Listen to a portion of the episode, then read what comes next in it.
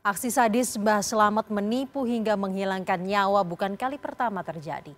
Aksi klinik yang berujung kriminal tercatat sudah terjadi sejak lama bahkan puluhan tahun silam. Lalu mengapa masyarakat masih saja dapat tertipu?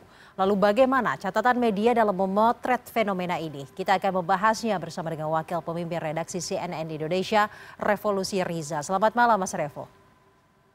Selamat malam Sarza. Mas Revo dari catatan CNN Indonesia, mengapa Mas masih banyak masyarakat yang tertipu dan akhirnya menjadi korban kejadian seperti ini?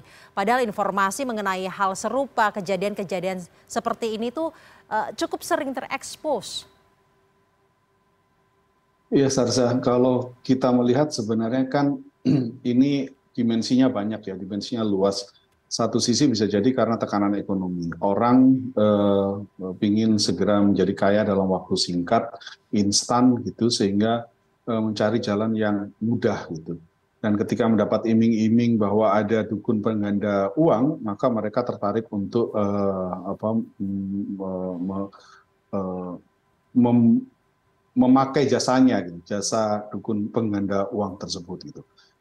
nah, apakah kemudian latar belakangnya adalah karena masalah pendidikan misalnya eh, kita sendiri eh, agak satu sisi bisa jadi iya karena memang mungkin pendidikannya eh, mungkin bisa jadi karena faktor pendidikan tapi kalau misalkan kita melihat kasus ketika dulu ada rame-rame Kanjeng Dimas misalnya ada salah satu politisi kemudian juga berpendidikan sangat tinggi itu juga menjadi korban dari praktek uh, Kanjeng Dimas misalnya pada waktu itu uh, yang rame-rame di Probolinggo gitu ya.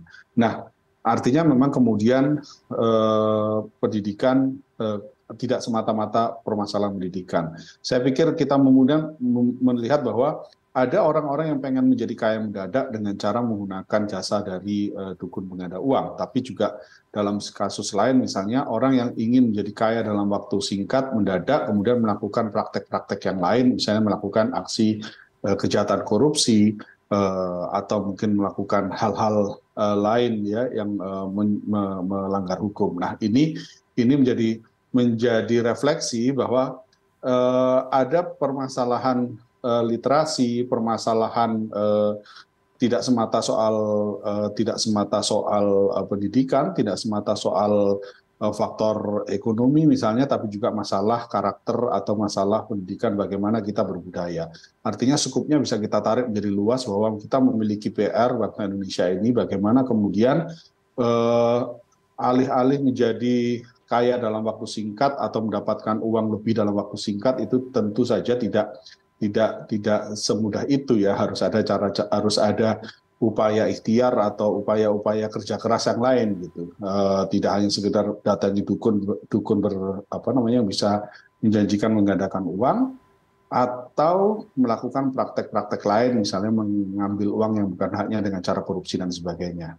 Nah ini Sarza ini ini refleksi dari bangsa kita sebenarnya bagaimana kita masih terus-terus harus terus melakukan uh, pendidikan karakter. Nah, ini yang harus dipikirkan oleh uh, seluruh komponen bangsa kita gitu. Bagaimana kemudian membangun karakter supaya orang tidak mudah tergiur uh, dengan adanya iming-iming dukun uh, pengganda uang misalnya, ya. atau uh, uh, uh, tidak mudah tergiur untuk melakukan aksi korupsi. Pembangunan karakter eh, bangsa dan juga budaya bangsa ini menjadi penting agar kejadian serupa tidak eh, terulang kembali, tidak sering terulang kembali. Tadi juga Mas Revo mengatakan bahwa selain penegakan hukum sebenarnya apa yang bisa dilakukan oleh pemerintah agar bisa membangun karakter bangsa ini agar tidak sering atau tidak mudah tergiur kaya instan, Mas Revo.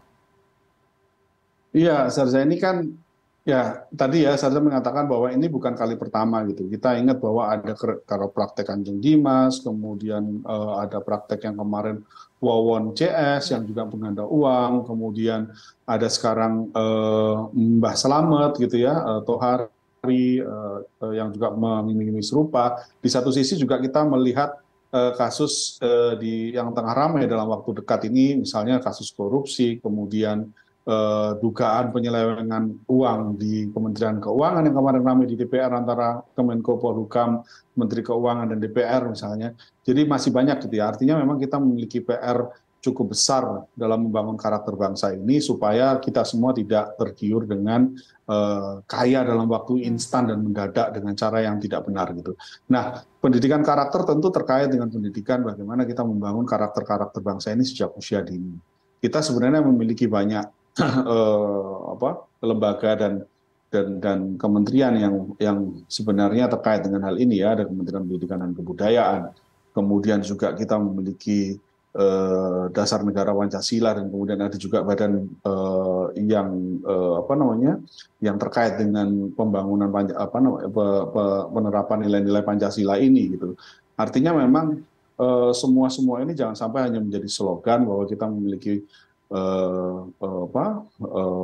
undang-undang uh, dasar yang konstitusi bahwa memajukan kesejahteraan bangsa dan lain sebagainya ini tidak hanya menjadi slogan-slogan tapi juga kemudian bagaimana mengejawantahkan nilai-nilai tersebut dalam uh, pendidikan kewarganegaraan sejak usia dini sehingga kita semua tidak mudah tergiur gitu untuk kaya secara instan gitu.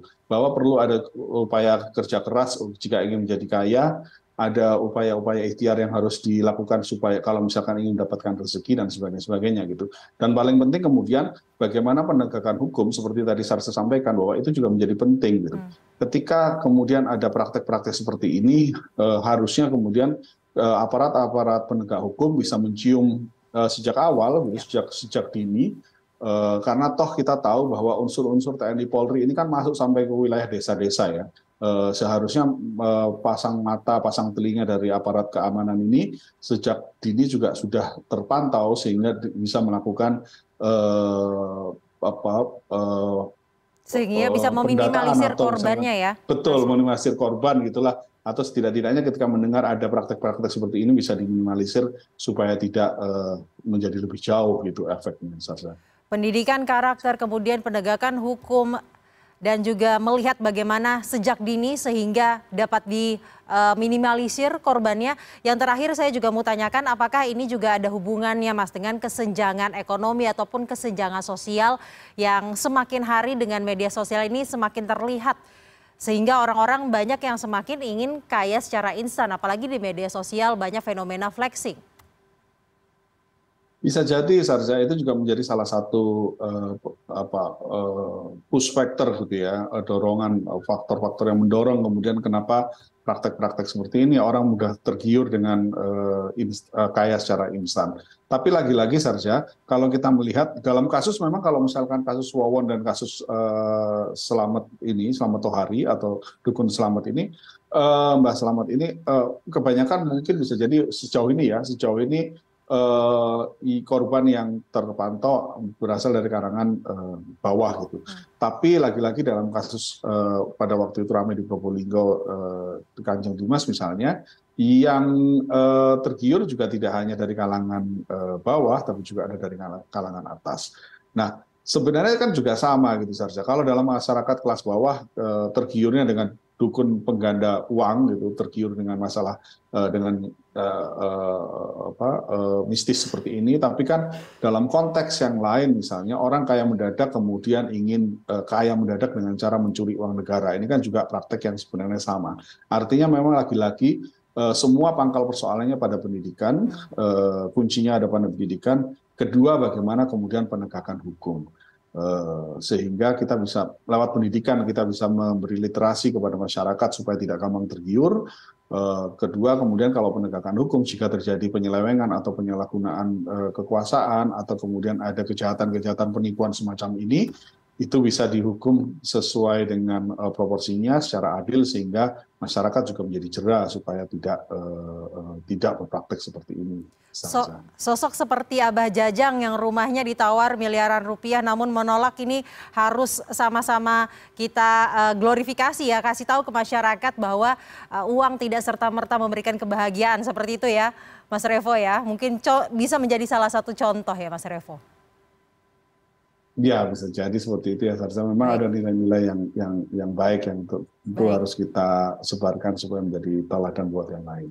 Baik, terima kasih Wakil Pemimpin Redaksi CNN Indonesia Revolusi Riza yang telah bergabung malam hari ini bersama kami di CNN Indonesia Prime News.